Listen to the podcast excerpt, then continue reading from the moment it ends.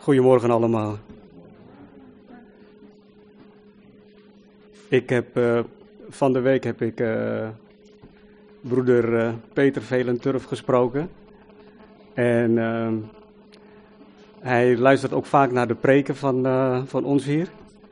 En hij zegt, ik ben zo gezegend. Hij zegt, en hij verheugt zich dat, dat als hij de jongere broeders hoort preken, dat hij zegt van wauw, wat zijn ze toch gegroeid.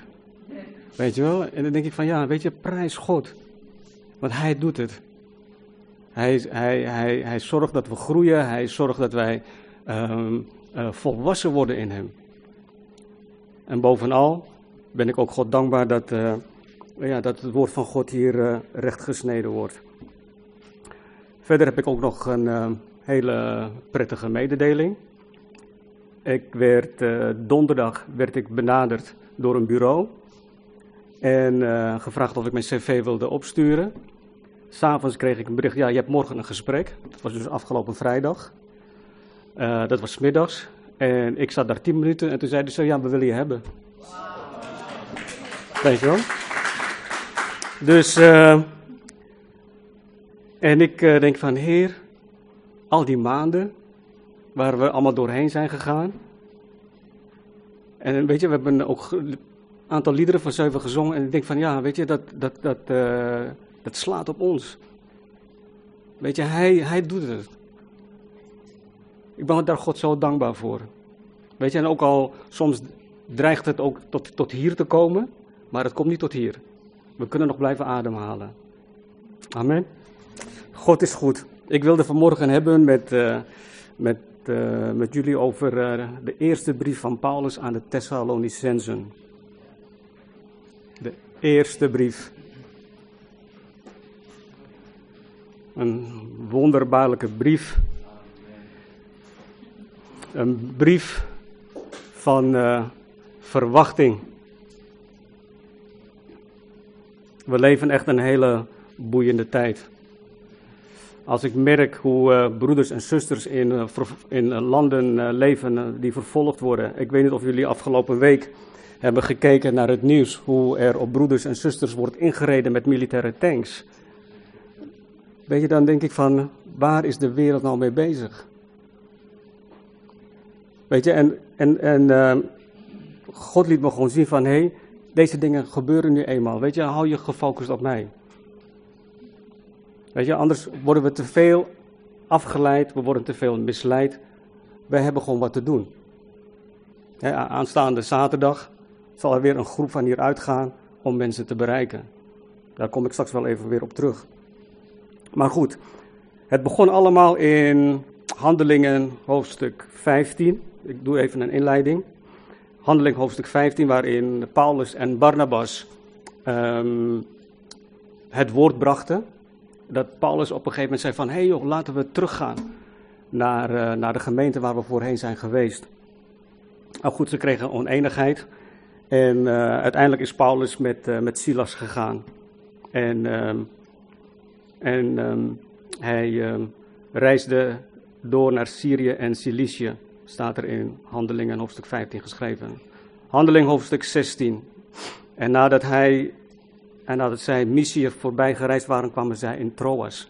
Daar in Troas kreeg Paulus een visioen van een uh, man uit Macedonië. Kom naar ons toe, help ons.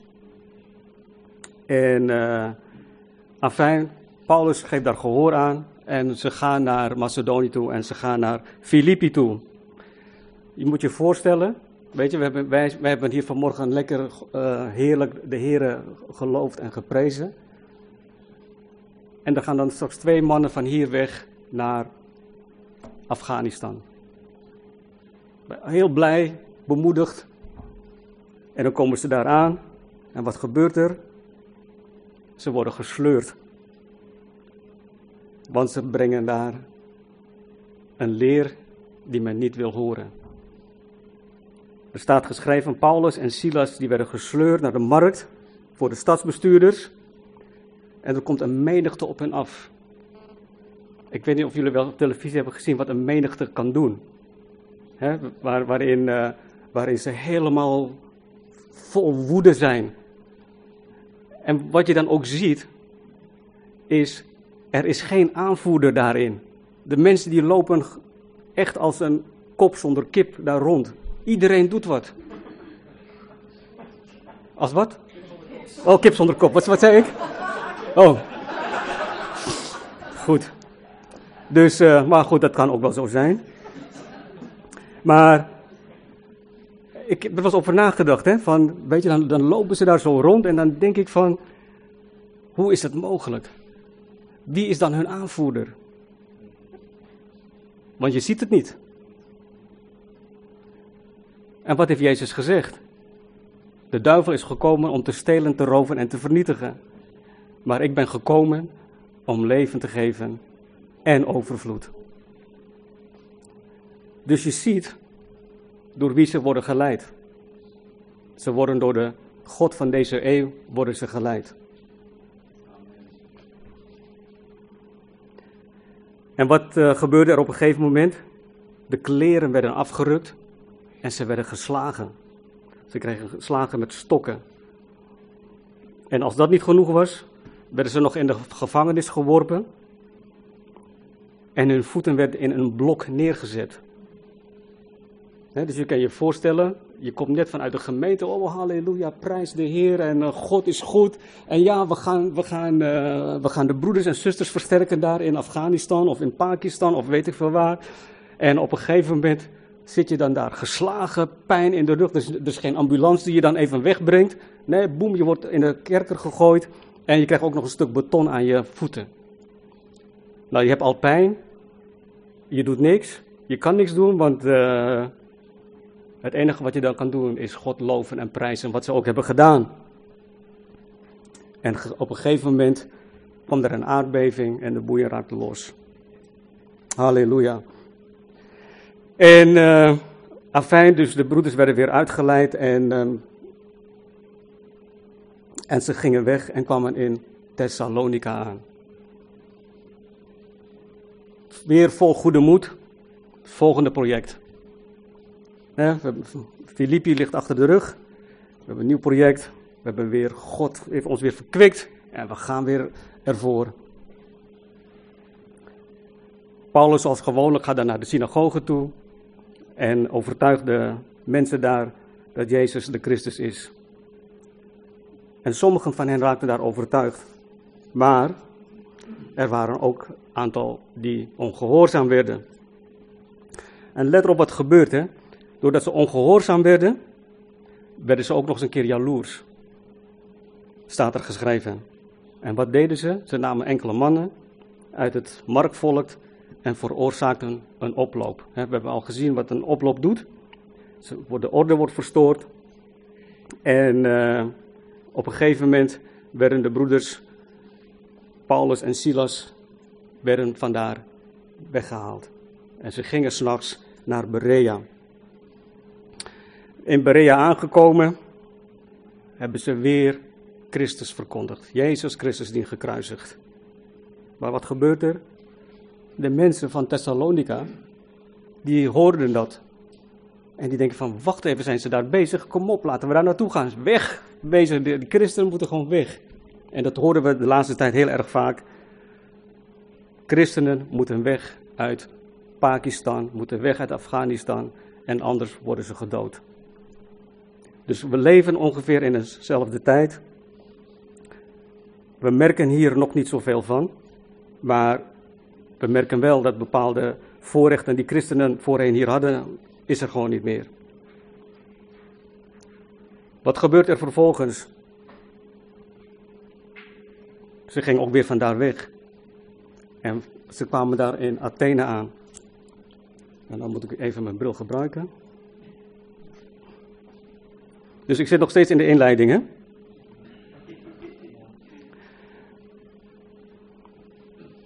Dus de broeders gingen, terug, of die gingen naar Athene toe. En Silas en Timotheus die bleven daarachter. En Paulus die uh, kwam in Athene aan. En hij raakte, staat geschreven, dat hij in zijn geest geprikkeld werd. Want hij zag de stad vol afgodsbeelden. Hij ging de synagoge in en sprak met de Joden die Godvrezend waren. En op een gegeven moment waren er ook Griekse wijsgeren die raakten met hem in een gesprek. Wat een praatjesmaker is die eh, Paulus toch. Maar anderen zeggen, ja, maar hij is een verkondiger van vreemde goden. Want de Grieken leefden met de overtuiging dat wanneer het lichaam dood is, dat de geest verheerlijkt wordt. Dus ze konden doen, ze konden leven met hun lichaam wat ze wilden. ze konden leven naar hun lust, naar hun begeerte, naar hun eigen verlangens. En ze vroegen dan dus aan Paulus van, uh, mogen wij weten wat de nieuwe leer van jou inhoudt? En uh, Stan heeft daar al een keer over gesproken. En dan moet je maar een keer weer luisteren. Hij sprak daar over. Uh,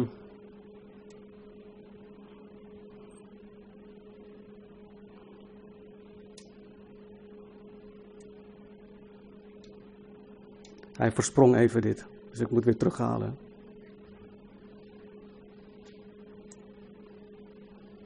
Hij sprak daar over God, maar hij predikte niet Jezus Christus. En wat zeiden die mensen daar? Ze gingen hem spotten. Ze bespotten hem. Dus je moet je voorstellen, hij komt vanuit Filippi, waar hij uh, uh, slagen heeft gehad. Hij, uh, er was een oploop in, in, um, in Thessalonica, in Berea en in Athene hebben ze hem uitgelachen. Ze hebben hem gespot. Hierna, hoofd, handeling hoofdstuk 18 staat geschreven, hierna ging Paulus uit Athene weg en hij kwam in Korinthe. ook daar sprak hij iedere Sabbat in de synagoge en probeerde de Joden en de Grieken te overtuigen.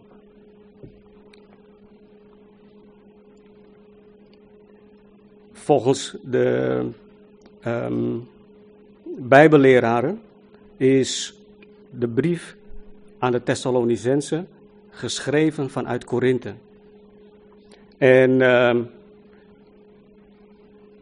ik denk dat ook omdat ik heb gezien dat, Paul, dat uh, Timotheus die kwam, kwam hem tegemoet in, um, in, in Korinthe en, hij bracht nieuws. En we lezen dan ook in, in 1 Korinthe hoofdstuk 2. En ik, broeders, toen ik bij u kwam, ben niet gekomen om u met voortreffelijkheid van woorden of van wijsheid het getuigenis van God te verkondigen. Want ik had mij voorgenomen niets anders onder u te weten dan Jezus Christus en die gekruisigd. En ik was bij u in zwakheid met vrees en veel beven. Dus je kan je voorstellen dat hij uh, na zo'n lange uh, reis te hebben gemaakt, waardoor uh, veel dingen waren gebeurd. En als ik dan ook kijk naar waar we zelf doorheen gaan, hè, door, door situaties waar we doorheen gaan, dat we ook op een gegeven moment ook bevangen worden door kleingeloof, door uh, zorg, door, um, door angst. En twijfel. Van hoort, hoort God mij eigenlijk nog wel? Beantwoordt Hij mijn gebeden nog wel? Dus dat is een beetje de, de achtergrond waarin Paulus dan heeft gezeten en dat hij dan een brief gaat schrijven aan de Thessalonicenzen. Laten we lezen hoofdstuk 1.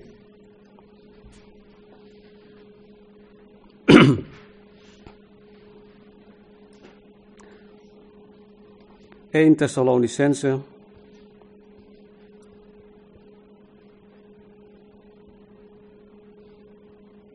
Hoofdstuk 1. Paulus, Silvanus en Timotheus aan de gemeente van de Thessalonicensen die in God de Vader en de Heer Jezus Christus is. Genade zij u en vrede van God onze Vader en van de Heer Jezus Christus. Wij danken God altijd voor u allen wanneer wij aan u denken in onze gebeden. En zonder denken en zonder ophouden denken aan het werk van uw geloof, de inspanning van uw liefde en de volharding van uw hoop op onze Heer Jezus Christus voor het aangezicht van onze God en Vader. Wat ik zo mooi vind, hè, is dat Paulus hier begint met lofprijzing naar de, naar, de, naar de broeders en zusters toe. Als ik openbaringen hoofdstuk 2 en hoofdstuk 3 lees, hoe Jezus tot de gemeente spreekt. Bijvoorbeeld openbaringen hoofdstuk 2 vers 2.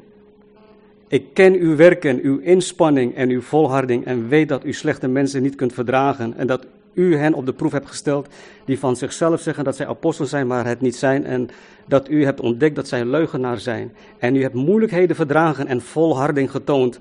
Om mijn naam hebt u zich ingespannen en u bent niet moe geworden. Maar ik heb tegen u dat u uw eerste liefde hebt verlaten. En dus, ik heb daar ook veel van geleerd, want waarom? Omdat binnen het gezinsleven, dan, dan kijken we altijd meteen van, ja, maar dat doe je verkeerd en dit en dat. En we praten niet meer over de goede dingen. We zeggen niet van, uh, och, van nou ja, want je bent toch zo'n lieve meid, je doet dit en je dat. Nee, dan heb je dit niet gedaan en dan ben je, ben je verkeerd bezig.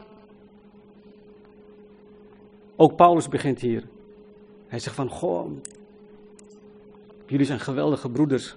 jullie, jullie werk aan het geloof, jullie, jullie, uh, jullie hebben ingespannen voor de liefde. jullie volharden in de hoop. Laten we ook zo naar elkaar kijken. Laten we ook zo naar onze uh, kinderen, naar onze collega's kijken. dat, we, dat we niet zeggen van ja, maar dat is een, een hele vervelende collega. Maar kijk ook naar het goede van iemand.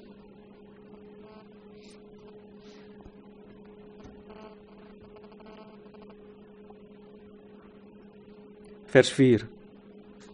Wij weten immers, geliefde broeders, van uw verkiezing door God. Want ons evangelie is niet alleen met woorden tot u gekomen, maar ook met kracht en met de Heilige Geest en met volle zekerheid. U weet immers hoe wij in uw midden geweest zijn ter wille van u. Ook bent u navolgers geworden van ons en van de Heer toen u het woord aannam, te midden van veel verdrukking. Met blijdschap van de Heilige Geest, zodat u voorbeelden geworden bent voor alle gelovigen.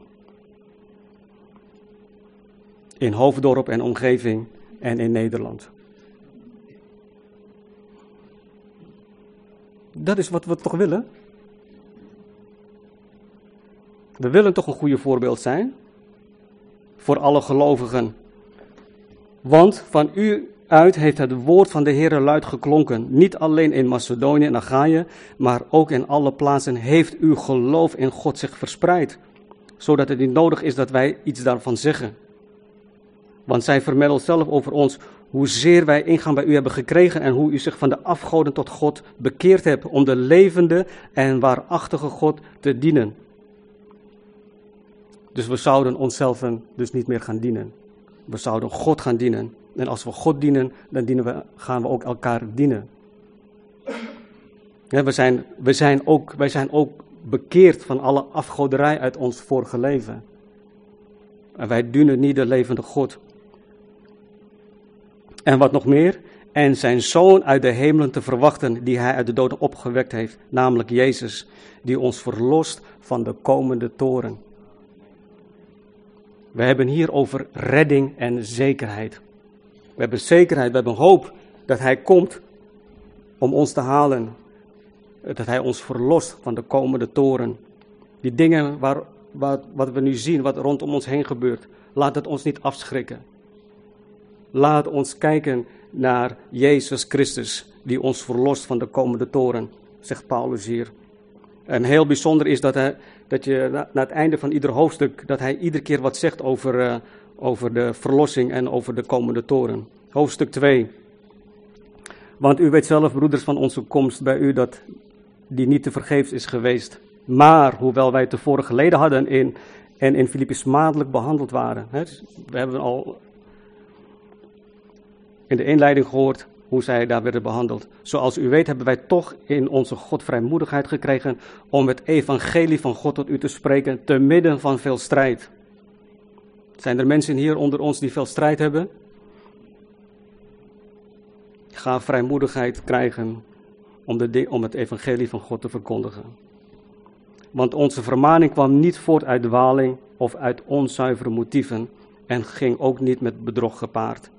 Maar zoals wij door God beproefd zijn om ons het evangelie toe te vertrouwen, zo spreken wij. Niet om mensen te behagen, maar God die onze harten beproeft, Want wij hebben nooit vleiende woorden gebruikt, zoals u weet, en ook geen voorwensel voor hebzucht.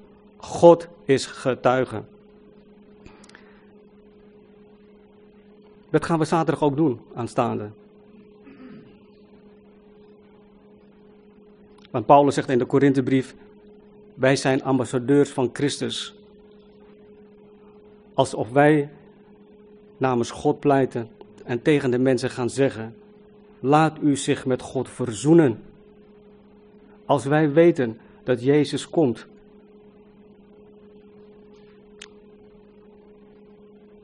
En die mensen dan? Wat gebeurt er met die mensen hier? Die gaan de toren tegemoet. En ik weet niet of jullie al uh, het boek Openbaringen gelezen hebben, maar er staat zo verschrikkelijk veel dingen te wachten. Als ik denk dan aan, aan mijn eigen familieleden, als ik denk aan, aan, aan mijn buren, als ik denk aan de collega's, als ik denk aan vrienden met wie ik allemaal vroeger uh, gewandeld heb, dan denk ik van, als zij zich niet bekeren, wat staat hun dan te wachten?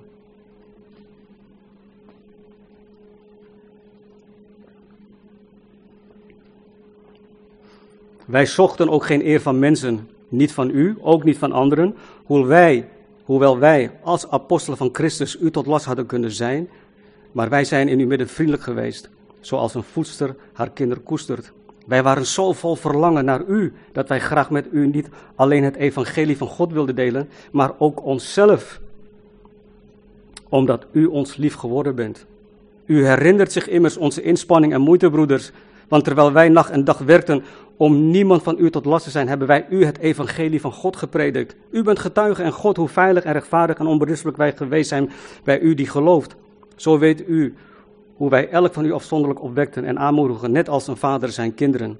Wij riepen u ertoe op waardig te wandelen voor God, die u roept tot zijn koninkrijk en heerlijkheid. Daarom danken ook wij God zonder ophouden dat u, toen u van ons hebt gepredikt, het woord van God hebt ontvangen het ook aangenomen hebt. Niet als een mensenwoord, maar zoals het werkelijk is als Gods woord.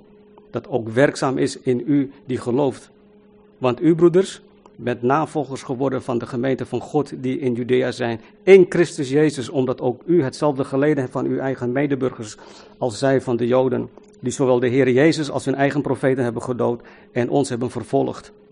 Zij behagen God niet en zijn alle mensen vijandig gezind.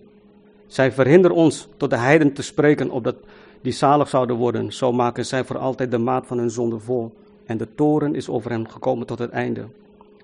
Maar nu, broeders, voor een korte tijd van u gescheiden, wat betreft het gezicht, niet wat betreft het hart, hebben wij ons des te meer beijverd om uw gezicht te zien met grote begeerte. Daarom hebben wij naar u toe willen komen, althans ik, Paulus, een en andermaal, maar de Satan heeft het ons verhinderd. Dus hier zien we ook dat we niet te strijden hebben tegen vlees en bloed. Paulus geeft in de Efezebrief aan, wij hebben niet te strijden tegen vlees en bloed, maar we hebben te strijden tegen machten en overheden in de hemelse gewesten. Want wat is onze hoop of blijdschap of erekroon? Bent u ook dat niet voor het aangezicht van onze Heer Jezus Christus bij zijn komst?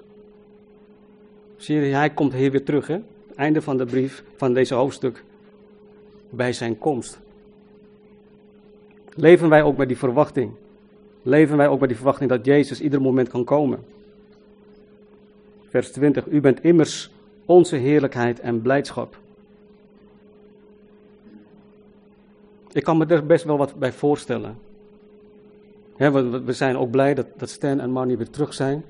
want dat, dat, dat, ja, als je toch voor een korte tijd gescheiden bent, dan, dan, dan, ja, je mist elkaar gewoon.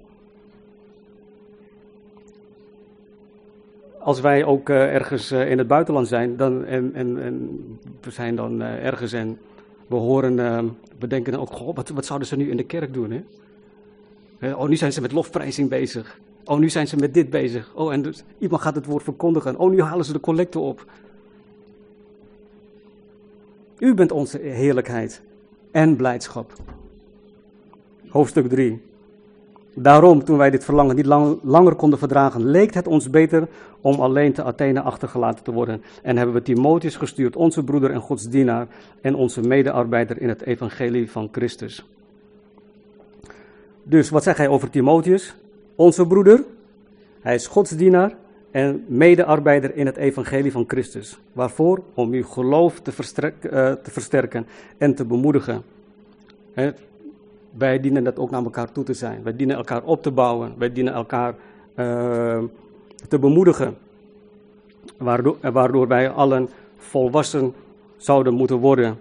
En niet heen en weer geslingerd zouden worden. Naar allerlei leringen die hier en daar te horen zijn. Vers 3, opdat niemand in, in, verwarring gebracht zou worden in deze verdrukkingen. Want u weet zelf dat wij hiertoe bestemd zijn. Wij lijden verdrukkingen, hiertoe zijn we bestemd. Toen wij bij u waren, zeiden wij u immers van tevoren dat wij verdrukt zouden worden, zoals ook gebeurd is. En u weet het. Daarom heb ik, omdat ik ook dit verlangen niet langer kon verdragen, hem gestuurd om ten aanzien van uw geloof te weten te komen of de verzoeker u misschien niet verzocht had en onze inspanning te vergeefs zou zijn geweest. Dus hier lezen we ook dat Paulus, als hij het woord verkondigd heeft, en hij is een tijdje niet meer bij deze mensen, dat hij aan hun denkt. En waarom zou hij aan hun denken? Nou, we lezen dat net. Weet je dat niet de verzoeker gekomen is, dat, dat, dat het op andere gedachten gaat brengen? als, we, als we dan lezen ook de gelaten brief. Oh, wie heeft jullie betoverd? Hoe kunnen jullie nou een andere leer gaan volgen? Vers 6. Maar nu is zojuist Timotheus bij u vandaan bij ons teruggekomen en heeft ons goede boodschap gebracht van uw geloof en liefde. En dat u altijd een goede herinnering aan ons hebt en vurig verlangt om ons te zien, zoals wij ook u. Daardoor zijn wij over u bemoedigd, broeders, bij al onze verdrukking en nood vanwege uw geloof. Want nu leven wij indien u staande blijft in de Here. Want welke dank kunnen wij God voor u teruggeven vanwege al de blijdschap waarmee wij ons verblijden voor het aangezicht van God? Wij bidden nacht en dag meer dan overvloedig om uw gezicht te mogen zien en om te volmaken wat aan uw geloof ontbreekt.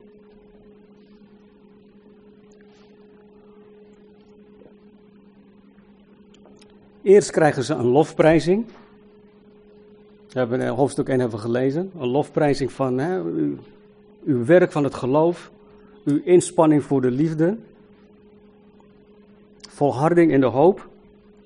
En hier zegt hij een paar hoofdstukken later, er ontbreekt nog wat aan uw geloof. En dan denk ik van, hè, hoe kan dat nou? Maar dat lezen we straks verder. Vers 11. Maar onze God en Vader zelf en onze Heer Jezus Christus mogen onze weg naar u toe leiden. En, mogen u, en u mogen de Heer doen toenemen en overvloedig maken in de liefde tot elkaar en tot allen, zoals ook wij dat zijn tot u. Opdat Hij uw harten zal versterken. Waarom?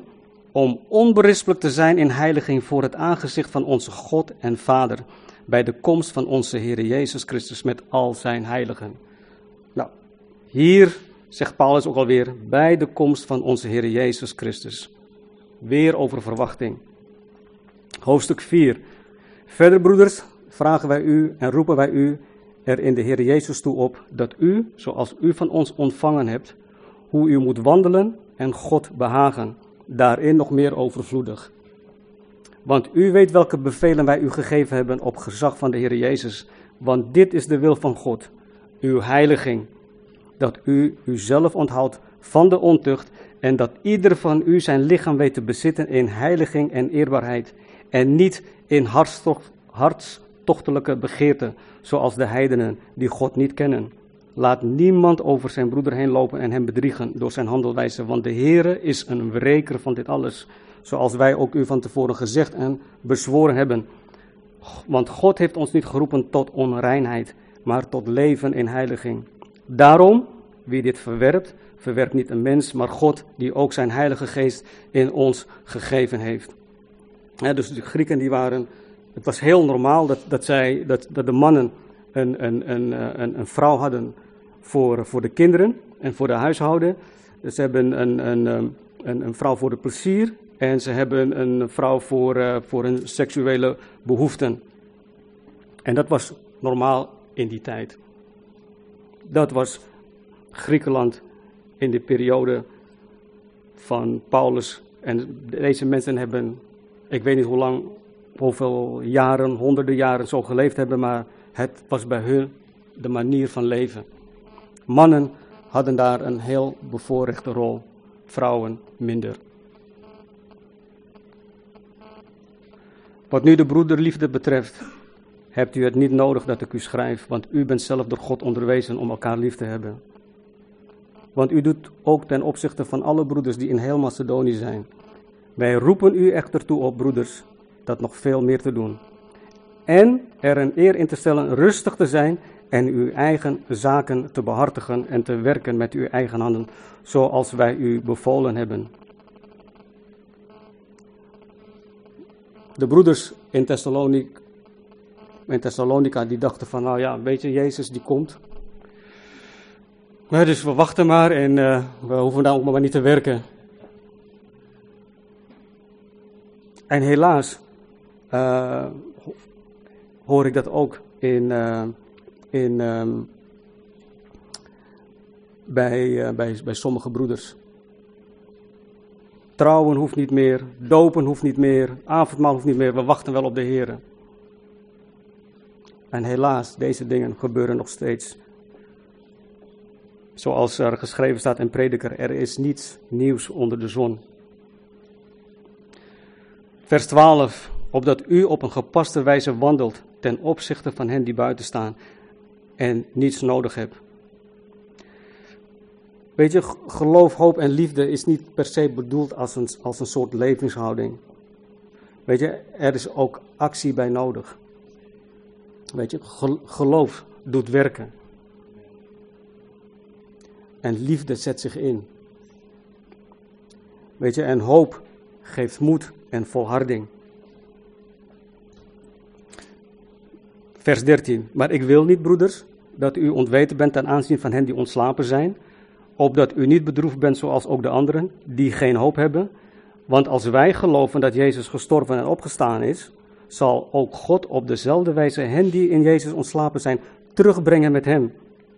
Want dit zeggen wij, dit zeggen wij u met een woord van de Heer, dat wij die levend zullen overblijven tot de komst van de Heer, de ontslapenen beslist niet zullen voorgaan. Want de Heer zelf zal met een geroep, met de stem van een aartsengel en met een bazuin van God neerdalen uit de hemel. En de doden die in Christus zijn, zullen eerst opstaan. Daarna zullen wij, de levenden die overgebleven zijn, samen met hen opgenomen worden in de wolken naar een ontmoeting met de Heere in de lucht. En zo zullen wij altijd bij de Heere zijn. Zo dan, troost elkaar met deze woorden. Hoofdstuk 5. Maar wat de tijden en de gelegenheden betreft, broeders, is het voor u niet nodig dat men u schrijft. Want u weet zelf heel goed dat de dag van de Heere komt als een dief in de nacht. Want wanneer zij zullen zeggen, er is vrede en veiligheid, dan zal een onverwacht verderf hun overkomen, zoals de barensweeën een zwangere vrouw, en zij zullen het beslist niet ontvluchten. Maar u, broeders, bent niet in duisternis, zodat die dag u als een dief zou overvallen. U bent allen kinderen van het licht en kinderen van de dag. Wij zijn niet van de nacht en ook niet van de duisternis. Laten wij dan niet evenals de anderen, slapen, maar laten wij waakzaam en nuchter zijn. Want zij die slapen, slapen s'nachts en zij die dronken zijn, zijn s'nachts dronken. Maar laten wij die van de dag zijn, nuchter zijn, bekleed met het borstharnas van geloof en liefde en met de hoop op de zaligheid als helm. Want God heeft ons niet bestemd tot toren, maar tot het verkrijgen van de zaligheid door onze Heer Jezus Christus, die voor ons gestorven is, opdat wij, het zij wij waken, het zij wij slapen, samen met Hem zouden leven. Bemoedig elkaar daarom en bouw de een de ander op, zoals u trouwens al doet. En wij vragen u, broeders, hen te erkennen die onder u arbeiden, u leiding geven in de Here en u terechtwijzen. En hen uitermate hoog te achten in de liefde om hun, om hun werk. En leef in vrede met elkaar. Ik heb eens iemand horen zeggen: Als je ooit de perfecte gemeente hebt gevonden, word dan alsjeblieft daar geen lid van. op het moment dat je besluit om dat toch te doen, dan is de gemeente niet meer perfect. Ik weet niet van wie dat komt, maar. Uh, en gelukkig dat wij beseffen dat wij niet perfect zijn. En wij roepen u ertoe op, broeders, hen die ordeloos leven terecht te wijzen, de moedelozen te bemoedigen, de zwakken te ondersteunen en met allen geduld te hebben. Pas op dat niemand een ander kwaad met kwaad vergeldt, maar jag altijd het goede na, en voor elkaar en voor allen. Verblijd u altijd. Ik heb daar wel eens moeite mee. Als je door bepaalde situaties heen gaat. Ja, maar je moet blij zijn. Ja, ik ben ook blij. Ja, ik ben blij. Maar toch, in de Filippenzen schrijft Paulus dat ook. Verblijd u ten alle tijden.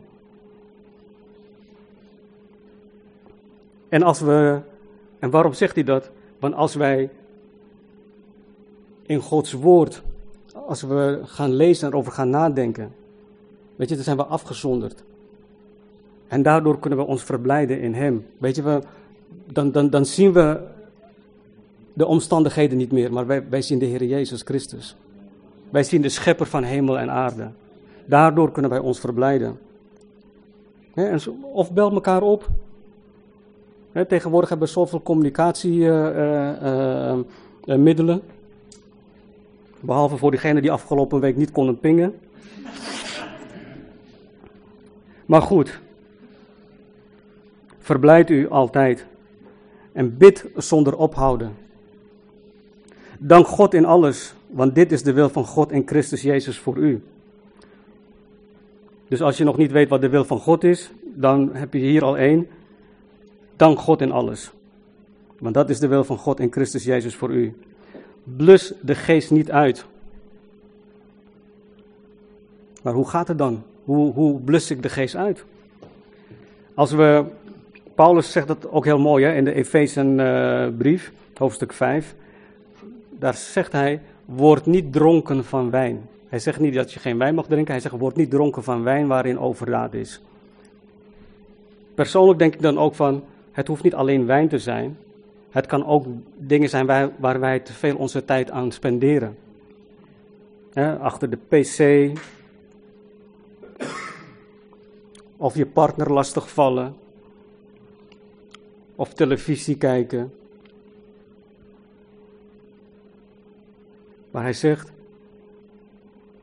word niet dronken van wijn waarin overdaad is, maar word vervuld met geest. Dus als we met, in gemeenschap zijn met, met onze Heer Jezus Christus en zijn woord tot ons nemen, is ook een manier waarin wij ook vervuld worden met geest.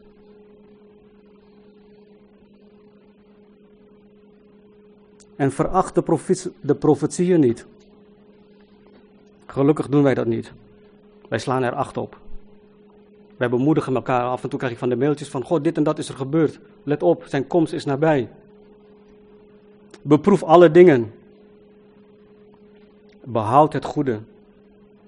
Onthoud u van elke vorm van kwaad.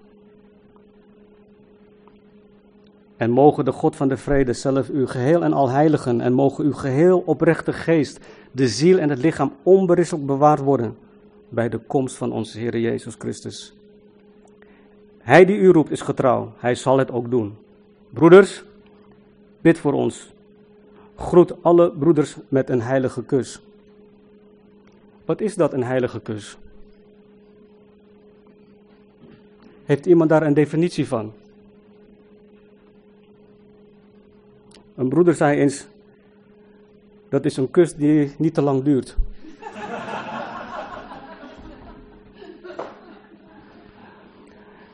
Dus het kan een definitie zijn. Ik bezweer u bij de Heer dat deze brief aan alle heilige broeders voorgelezen wordt. Bij deze heb ik dat gedaan. De genade van onze Heer Jezus Christus zijn met u. Amen.